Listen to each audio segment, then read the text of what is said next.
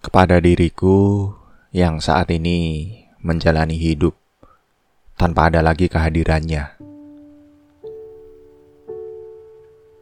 Yang perlu kamu lakukan hanyalah hal sederhana. Kamu tidak perlu melupakan karena memang kepala kita tidak didesain untuk itu. Hanya saja, biasakanlah dirimu untuk hidup tanpanya.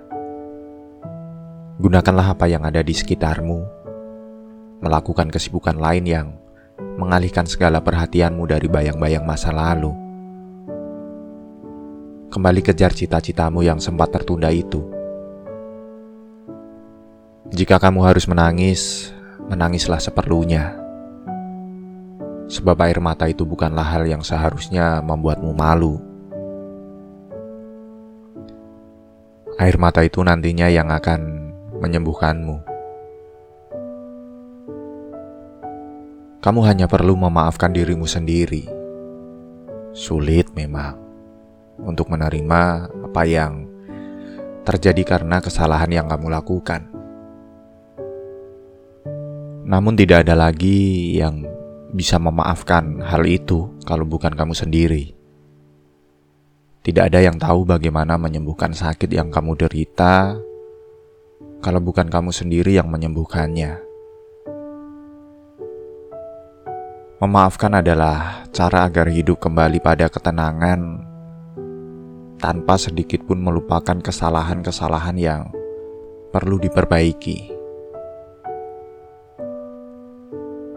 Pahamilah bahwa dirimu layak untuk melanjutkan hidup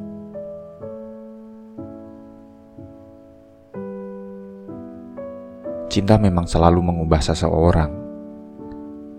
Sayangnya, ada seseorang yang demi cinta, dia mengubah seluruh kepribadiannya. Kamu tidak perlu melakukan hal semacam itu.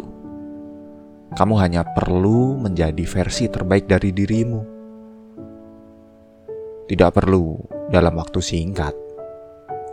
Hal-hal indah tidak dicapai hanya dalam semalam waktu juga ikut berperan.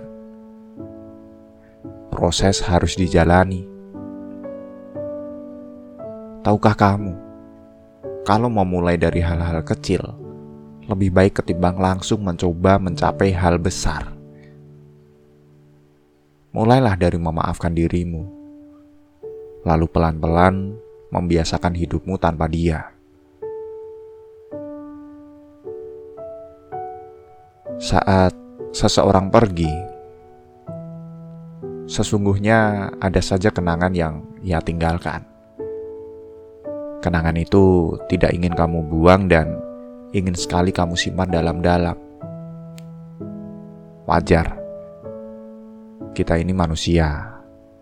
Kita punya ketertarikan tersendiri pada hal-hal yang membuat kita nyaman